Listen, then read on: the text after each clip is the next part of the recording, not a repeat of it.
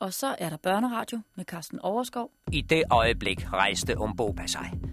Og i samme nu lå han kappen falde, den knælange krigerkappe. Han lå kappen falde til gulvet og stod nøgen foran os. Bortset fra lindeklædet og en halsring med ægte løveklør. Der stod han og præsenterede sin krop for os. Åh, sikke en figur. En prægtig skikkelse. Jeg har aldrig set en nigger så velskabt. 190 høj, men langt fra ranglet. Hans krop var så kraftfuldt bygget, så muskuløs, at den stod i fuld harmoni med højden. Så vidt jeg kunne se i lampens skær, var han forunderlig lys i huden af en zuluer der. Umbopa var ikke meget mørkere end en græker eller italiener. Dog så man sorte pletter hister her. Nogen helt over i det lilla. Det var hans ar. Hans kriger ar. Gamle spydsår, der for længst var helet, men som altid ville stå ristet i hans hud som tatoverede medaljer vundet i kamp. Jeg kan ikke nægte. at Han gjorde et vist indtryk. Da jeg så om Boba stå der i al sin pragt, hvor jeg lige ved at tro, at han talte sandt. Eller næsten sandt i hvert fald. Man kunne selvfølgelig ikke feste lid til hele den skrøne, han havde fyret af. Særligt ikke det med, at han skam ikke ville have løn for at tage med kun lige føden. Det troede jeg ikke en døjt på. Han skulle nok komme med sine krav undervejs. De skulle nok dukke op som små forlangen og på velvalgte tidspunkter, hvor man ikke kunne sige nej. Det var jeg vist på. De Zuluer er fifi folk. Og ah, desuden, ingen tager frivilligt de 300 mil op til Lukanka-floden og videre endnu bagefter, uden at få penge for det. Ikke mig i hvert fald. Da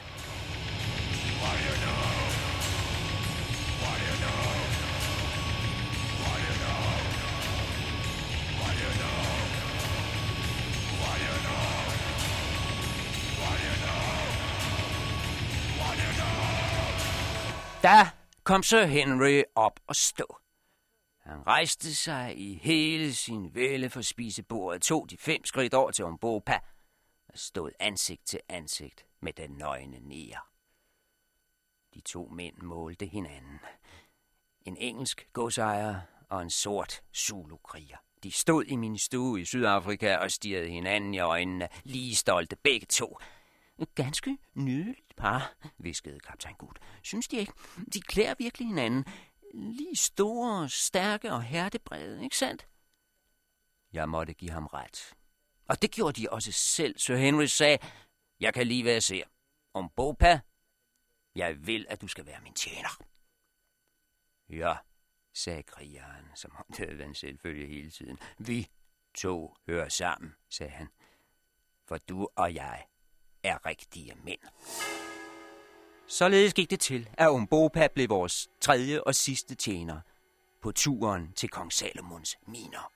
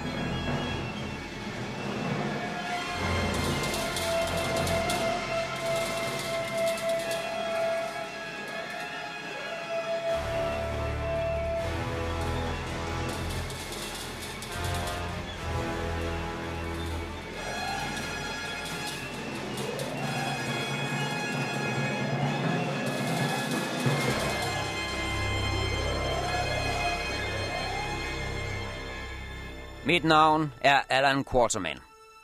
Og jeg skal nu fortælle om hele den færd, vi kom ud på fra start til slut. Og vi, det vil sige Sir Henry Curtis, der var kommet den lange vej fra England til Sydafrika for at finde en forsvunden lillebror. Og John Good, en pensioneret overlovskaptajn, hans trofaste rejsefælde. Og så mig, der havde sagt ja til at ledsage dem mod betaling naturligvis et pænt rundt beløb, som jeg ikke skal komme nærmere ind på her. Men jeg havde altså sagt ja til at føre dem dybt ind i Afrika, fungerer som vejviser og rådgiver. Et job, jeg er rimelig kvalificeret til, når jeg selv skal sige det, efter 40 år som elefantjæger på de egne. Resten var indfødte, dem kommer jeg til. Hovedsagen er, at vi brød op fra Durban i januar og tog afsted på den rejse den skæbnesvangre rejse, tør jeg godt sige, som i sidste ende skulle føre os frem til kong Salomons miner.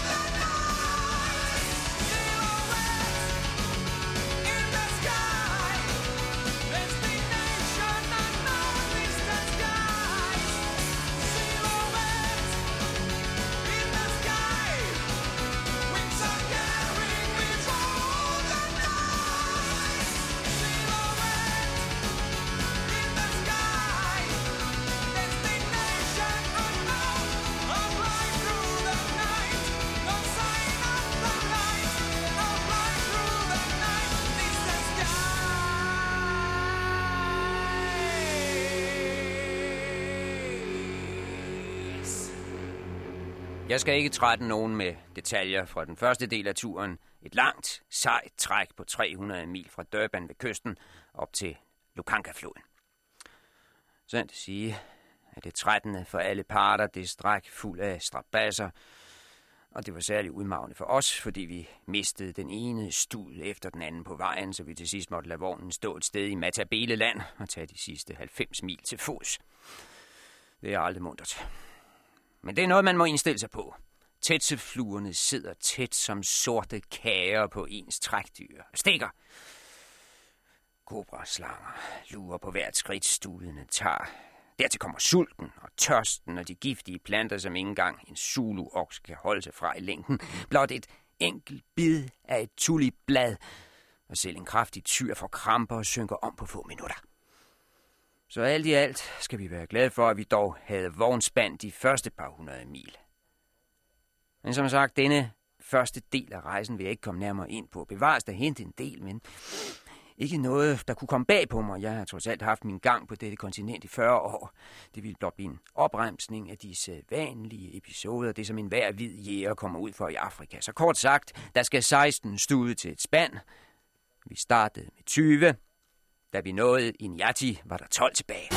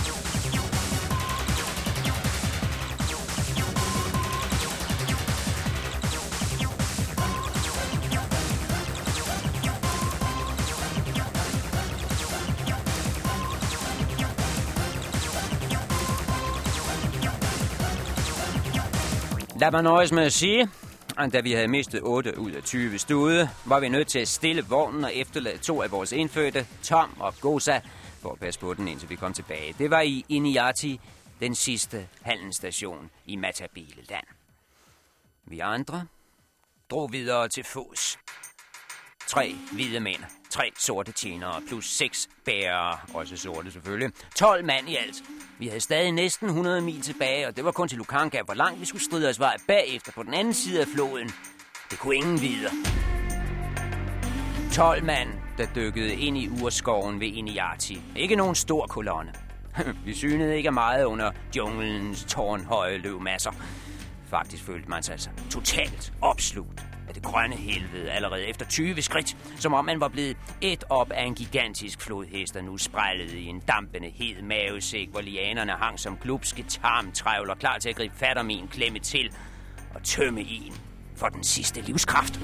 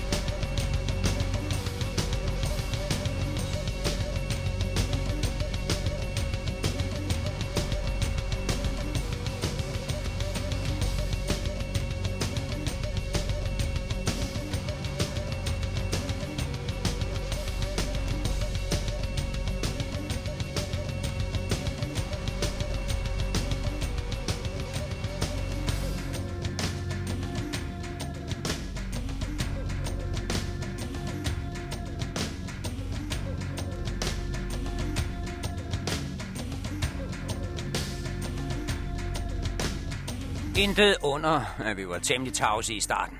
Man hørte kun grenene knække under vores fødder. Fluernes evindelige summen og de fjerne hyl fra Afrikas dyr. Ikke et ord kom over vores læber.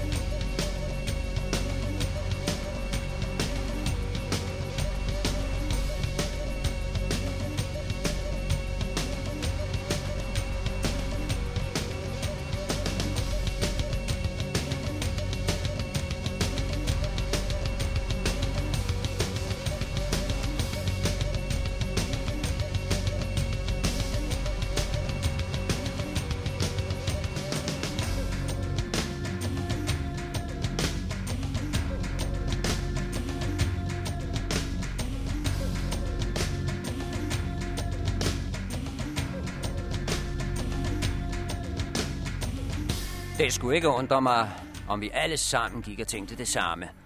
Kommer vi nogensinde tilbage fra denne færd?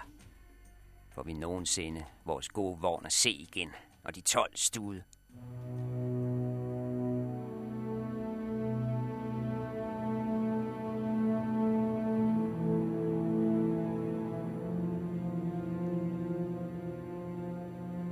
Jeg, for min del, gjorde mig ikke de store forhåbninger. Det tilstår jeg gerne. Jeg havde en klar fornemmelse af, at dette var et stævnemøde med skæbnen, og at sandsynligheden for at nå tilbage i live var nærmest lige nul. De andre må have følt noget lignende. Vores stumhed var dyster, ildevarslende, tavsheden, tyngende, trykkende, for ikke at sige truende, som de massive træstammer, der rejste sig til alle sider og spærrede for et hvert udsyn, lukkede af for selv det mindste oplivende glimt af, hvad der lå forud, og vores bange anelser stod tæt i luften, lige så tæt som de evigt svirrende insekter, og det vil sige ikke så lidt i den ene af Matabeleland.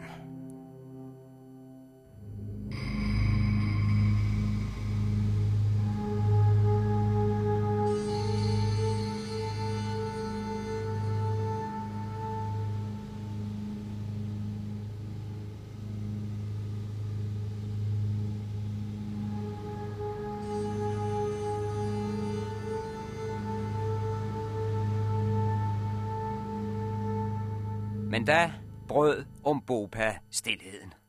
Han gik forrest, og pludselig hørte vi sang foran os. Umbopa sang. Han sang på Zulu-sproget om en flok tabre og modige mænd, leder og kede af freden derhjemme, trætte af det tamme liv i Ravnekrogen.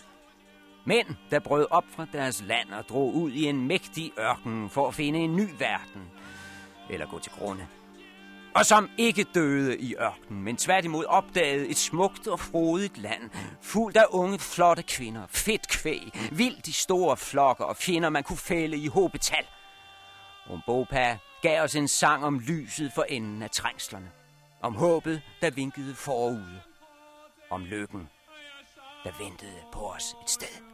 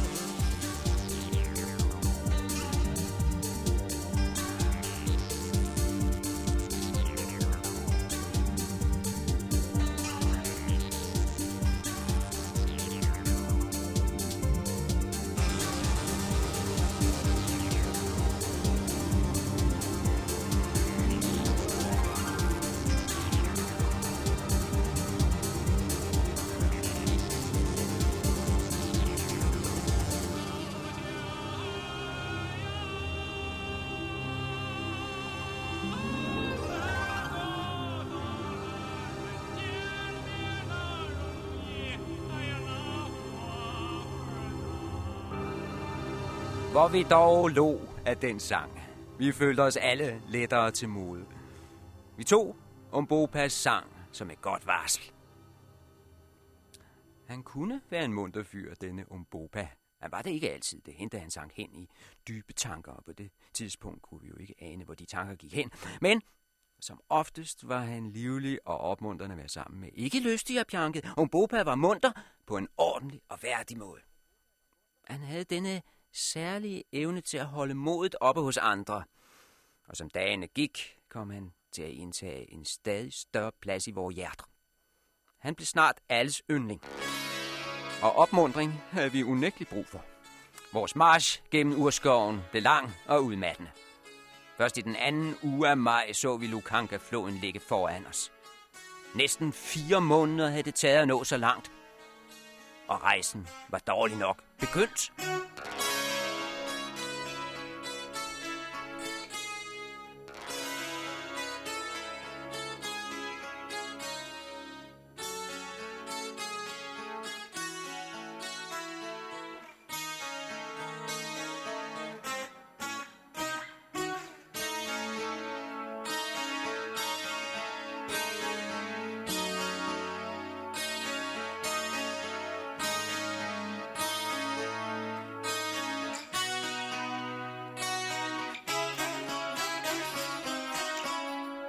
Men jeg husker det, som var det i går. Sceneriet, da vi ankom til Sitanda. Først de primitive hytter, hvor de indfødte både, og nogle lave stensætninger og kæde kunne søge ly. Og ned mod floden et par små, usle marker med en smule korn. En sparsom høst, må man sige, en kar i jord. Her ved Sitanda løber Lukanka-floden sammen med en lille biflod, så landet deles i tre. Tre vidt forskellige landskaber, der mødes på denne lille plet urskoven, som man lige er kommet ud af. Og på højre hånd, den vidt strakte savanne, bølgende med højt græs befolket af antiloper og andet storvildt i vældige flokke. Men til venstre, min Gud, til venstre begyndte ørkenen. Dette var den sidste grønne plet før den store ørken. Det sidste sted et sædekorn kunne spire. Det sidste sted et græsstrå kunne gro. Her gik grænsen mellem frugtbarhed og udørk. Man kunne se det med det blotte øje. Under ens fødder var der stadig grønt, fugtigt og frodigt. Men blot 100 meter længere fremme, lige over på den anden side af Lukanka, var alting afsvindet gråt og goldt. Nogle steder hvidt lysende som afpillede knogler i solen. Her stod vi på det knivskarpe skæld mellem liv og død.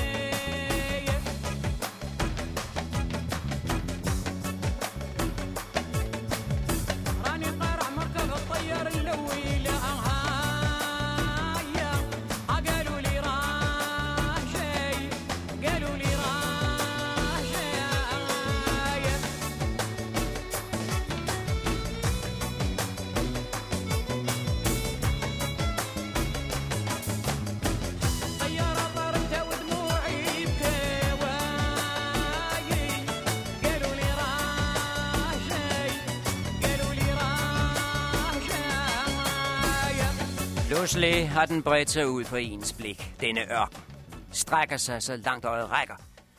Først den stenede skrænt, der går bræt op fra flodbredden. Lige præcis den skrænt, jeg så stakkel Silvestre kravle ned af 20 år før, efter han havde prøvet at nå frem til kong Salomons miner. Efter fem dage var han tilbage. Udmarvet. Knækket af ørkenen. På mindre end en uge svundet ind til skelet tørret op til maven under Afrikas ubønhørlige sol. Hans hjerne brændt ned til en glød af vanvid. Kort sagt en mand, der var døden nær. Og også betalte med sit liv næste morgen, bogstaveligt talt i mine arme, uden så meget som at have været i nærheden af kong Salomons miner.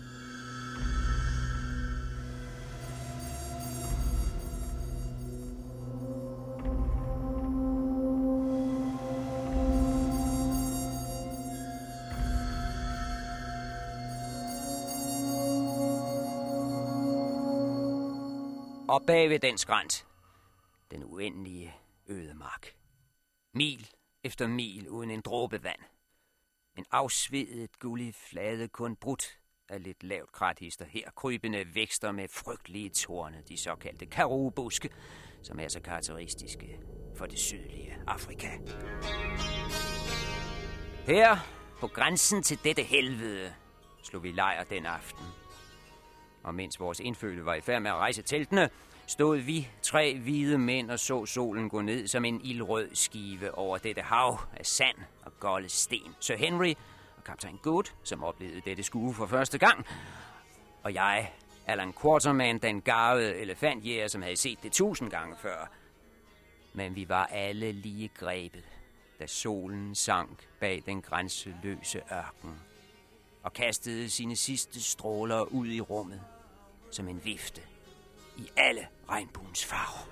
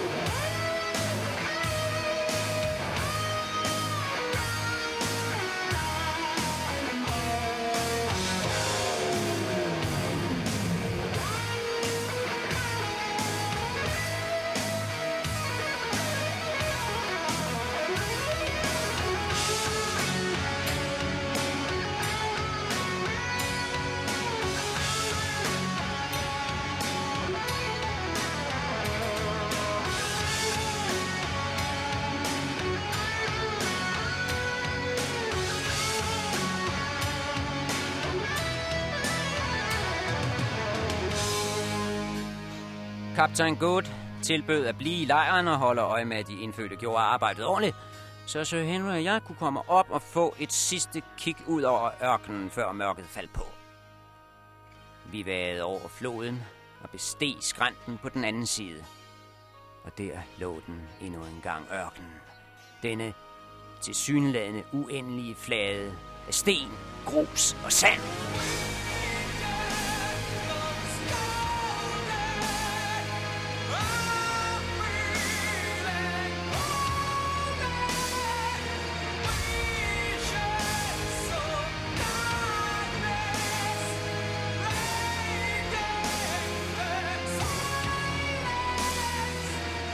Men uendelig var den ikke.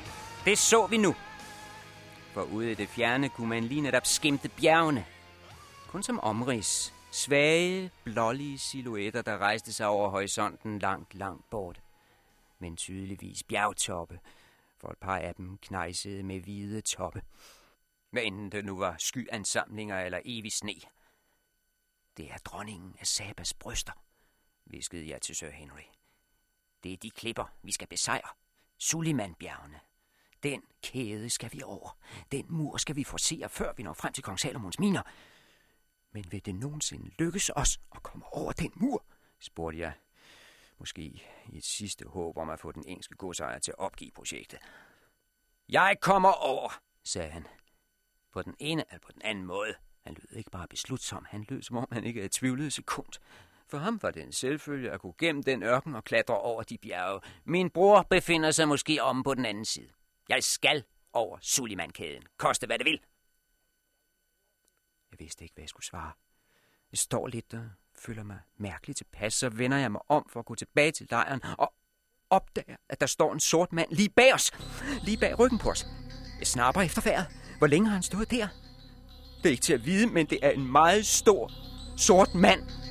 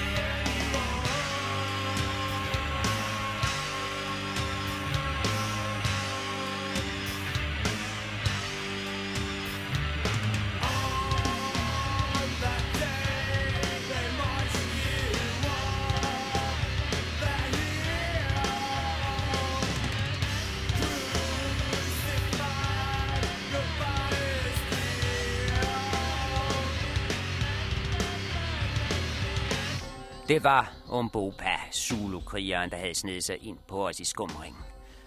Han må have bevæget sig lydløst som en kat, nærmest svævet op af den stenede skrænt, for jeg havde ikke hørt så meget som en sten løsne sig og rulle ned. Hvad pokker bestiller den nikker her? Det var min første tanke. Hvorfor er han ikke over i lejren? Hvad bilder han sig ind? Bare gå, mens de andre er i fuld gang med at rejse teltene. Den mand kender ikke sin plads. Men jeg når ikke åbne munden. Det er jeg for betuttet til. Og det virker heller ikke som om, om Boba overhovedet indser mig. Det er udelukkende så Henry, han henvender sig til. Ngubu, siger han, og Henry vender sig om med et smil. De var allerede nære venner, det var jeg klar over, tættere og tættere knyttet til hinanden over de sidste par uger, men Umboba siger altså, Ngubu. Det betyder elefant. Det var det kælenavn, Sir Henry havde fået blandt de indfødte. Ngubu, er det den vej, du vil? Over til det land, og Umboba hæver sit bredblad af cigajspyd og peger over mod de blå bjerge, at det er den retning, du agter dig, Inkubo. Opsider, at jeg kommer noget, tager ordet, sætter tølbånd på plads. Sådan gør man virkelig ikke, Umboba. En tjener kan ikke tillade sig at bruge et øgenavn, når han taler til sin herre. Det går ikke an. Husk, I er ikke lige mænd. En kubo hedder faktisk Sir Henry Curtis. Øgenavn er noget, I kan mor jer med indbyrdes jer indfødte imellem, hvis I synes, det er så morsomt. Men aldrig, når den hvide mand er til stede. Aldrig. Og så ovenikøbet et hedensk øgenavn. Sir Henry er faktisk i besiddelse af et godt kristent navn. Brug det.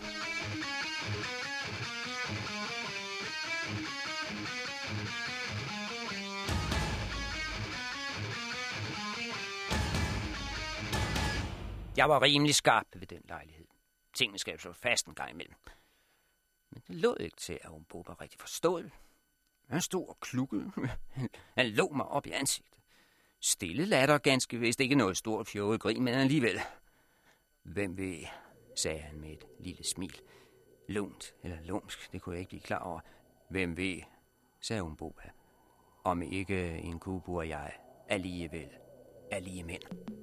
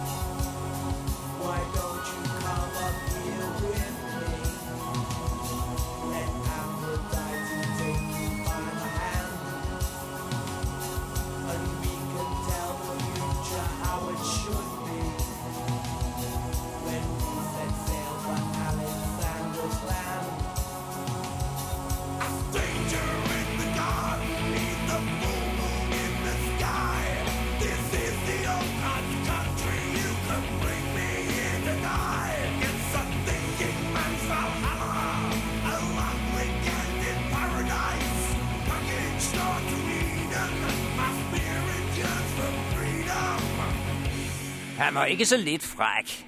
En Zulu-tjener, der tillader sig at tiltale sin herre med et indfødt kælenavn, står og kalde en hvid mand for elefant. Og så ovenikøbet fabler om, at de er lige mænd. En indfødt afrikaner, der tror, han er lige så meget værd som en englænder. Og Sir Henry var jo ikke hvilken som helst englænder. Han var godsejer hjemme i England. Adelig. Mon Umbopa var klar over, at det var blot blod, han havde med at gøre.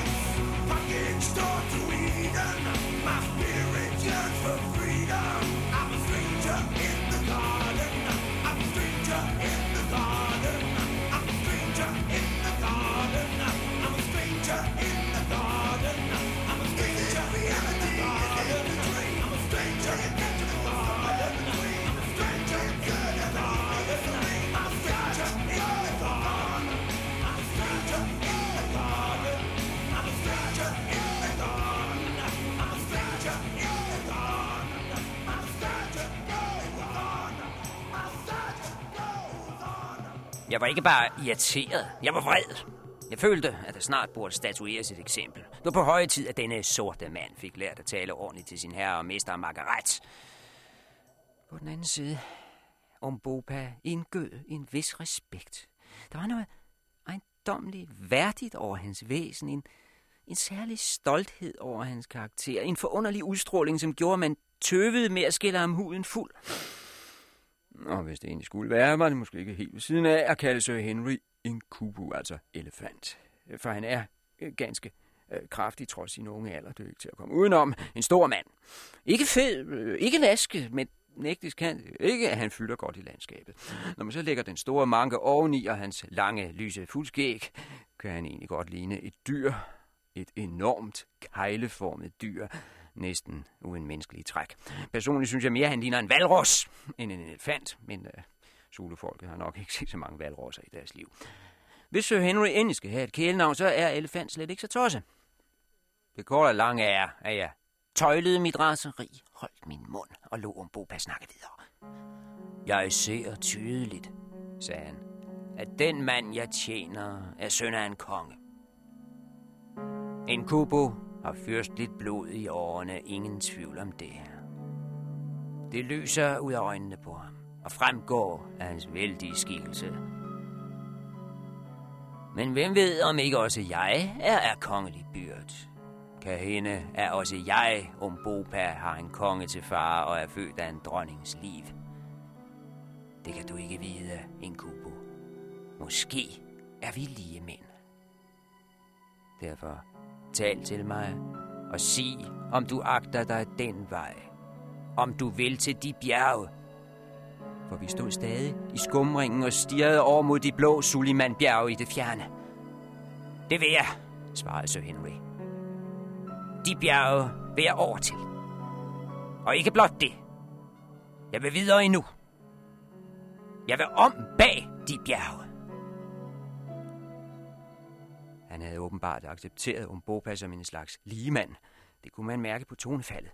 Sir Henrys ord var fortrolige, ærlige, lige ud. Han talte til denne nære som en adelsmand til en anden. Jeg var altid dybt rystet. Jeg kunne kun forklare det med, at Sir Henry var ny i Afrika. Han kendte ikke kontinentet, som jeg gjorde. Han troede virkelig, man kunne behandle de indfødte som ligeværdige fornuftvæsener, hvilken naivitet det skreg til himlen. Men jeg holdt tand for tunge. Jeg malede ikke et ord. For man må aldrig i rette sætte en anden hvid mand i de indfødtes påhør, så mister de enhver respekt. Men guderne skal videre. Jeg korsede mig. What's this?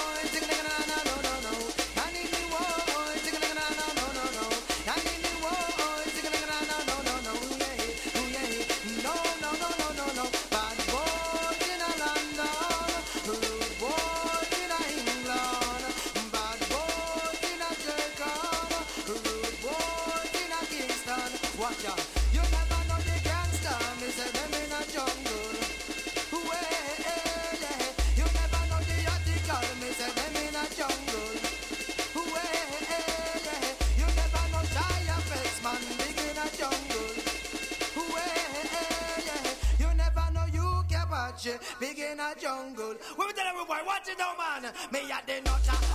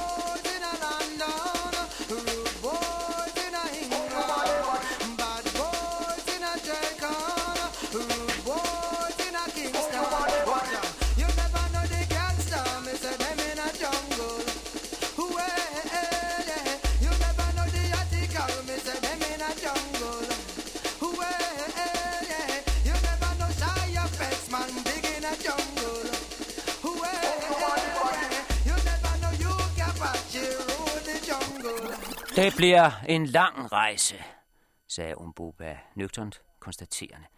Det bliver det, svarede Sir Henry og så ham dybt i øjnene. Men ingen rejse er for lang for en mand, der har truffet sin beslutning. Det er et spørgsmål om viljestyrke. Har man en gang sat sig et mål, er der intet, der kan stoppe en. Ingen floder er for dybe, ingen ørkner for brede og ingen bjerge for høje. Ja, Umbopa, jeg vil den vej. Nu er det de to, der talte sammen. Vel var jeg også til stede, men jeg var som luft for dem. Jeg har sjældent i den grad følt mig sat udenfor, sat til side. Så Henry indsede mig ikke. Han ville åbenbart hellere betro sig til en tilfældig sort kriger end til mig. Og jeg er dog europæer af den hvide race, men nej, nej, nej. Så Henry blev ved med at tale til denne indfødte undermåler. Om Bopa, jeg vil lægge denne øde mark under mine fødder. Jeg vil besejre Suleiman-kæden. Og hvis det ikke kan være andet, vil jeg personligt betvinge dronningen af Sabas bryster, om jeg så skal have mig fast til dem med mine bare næver. Derpå vil jeg trænge ind i det ukendte indre bag bjergene. Og til sidst skal jeg finde det, jeg søger. Intet kan stoppe en mand, der elsker. Og her taler jeg ikke om kærlighed til en kvinde, hvor her bevares. Jeg taler om noget langt dybere. Jeg taler om blodets bånd. Jeg taler om den uendelige hengivenhed mellem to brødre. Mellem to mænd, der sammen løfter og bærer på det største ansvar af alle, at føre slægten videre.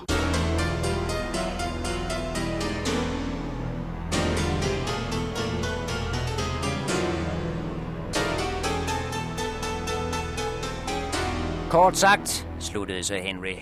Jeg har sat mig for at finde min lillebror Georg. Og intet, absolut intet, kan stoppe mig nu. Der var stille en stund, mens solens sidste stråler slukkedes over Sulimans ørken. Det var vise ord, sagde Umboba, og han nikkede anerkendende, som om en næres mening betød noget som helst. Jeg var ved at gå ud af mit gode skin, og så tilføjede han kunne hjælpe mig. Måske, måske er der også noget, jeg søger på den anden side af bjergene.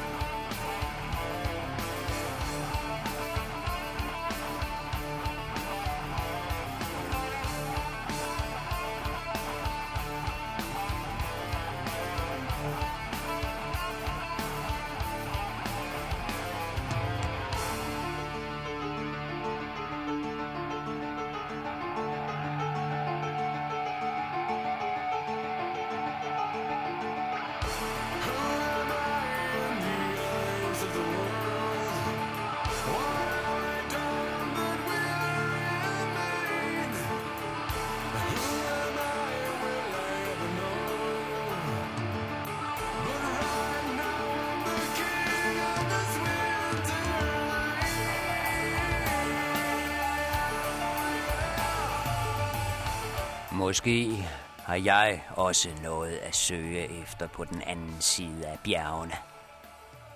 Det sagde han virkelig. Utåligt påtrængende. Hvad kom det også ved? Man kunne virkelig ikke bekymre sig om, hvad ens indfødte tjener render rundt og leder efter.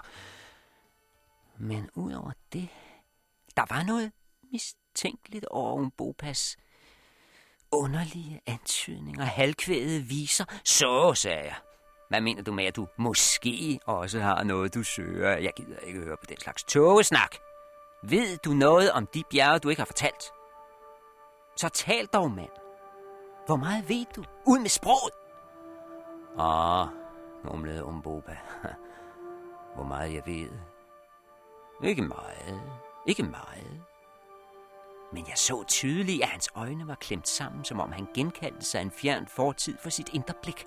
Som om en hel verden foldede sig ud bag de mørke øjenlåg. Det er så, det er så uendeligt lidt, jeg ved. Jeg ved, at bag de bjerge ligger et land fuld af trolddom og skønne sager. Bag de bjerge findes skove, floder, hvide bjerge og en bred brolagt vej. Bag de bjerge bor et tappert folk. Men lad os nu ikke tale mere om det. Det er allerede mørkt. Vi må se at komme tilbage til lejren. Men jeg lå mig ikke narre. Om Bopa vidste mere, end han ville ud med. Han vidste alt for meget, havde jeg en anelse om. Og han må have fornemmet mit bistre blik, følt anklagen stå dir i luften. Han må have mærket min svidende mistro, for han sagde, mig skal du ikke frygte, Magumasan. Jeg pønser ikke på baghold. Jeg har ingen faldgrupper i tankerne, ingen fælder, ingen lumske planer. Jo, jeg ved en del mere, end jeg kan røbe lige nu.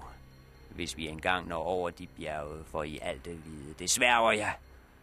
Men et råd må I have, før I tager det første skridt. I skal lytte til den højeste visdom, og lad være. Lad være opgive denne rejse, hvis I har jeres liv kært. Vend om nu og glem alt om kong Salomons miner.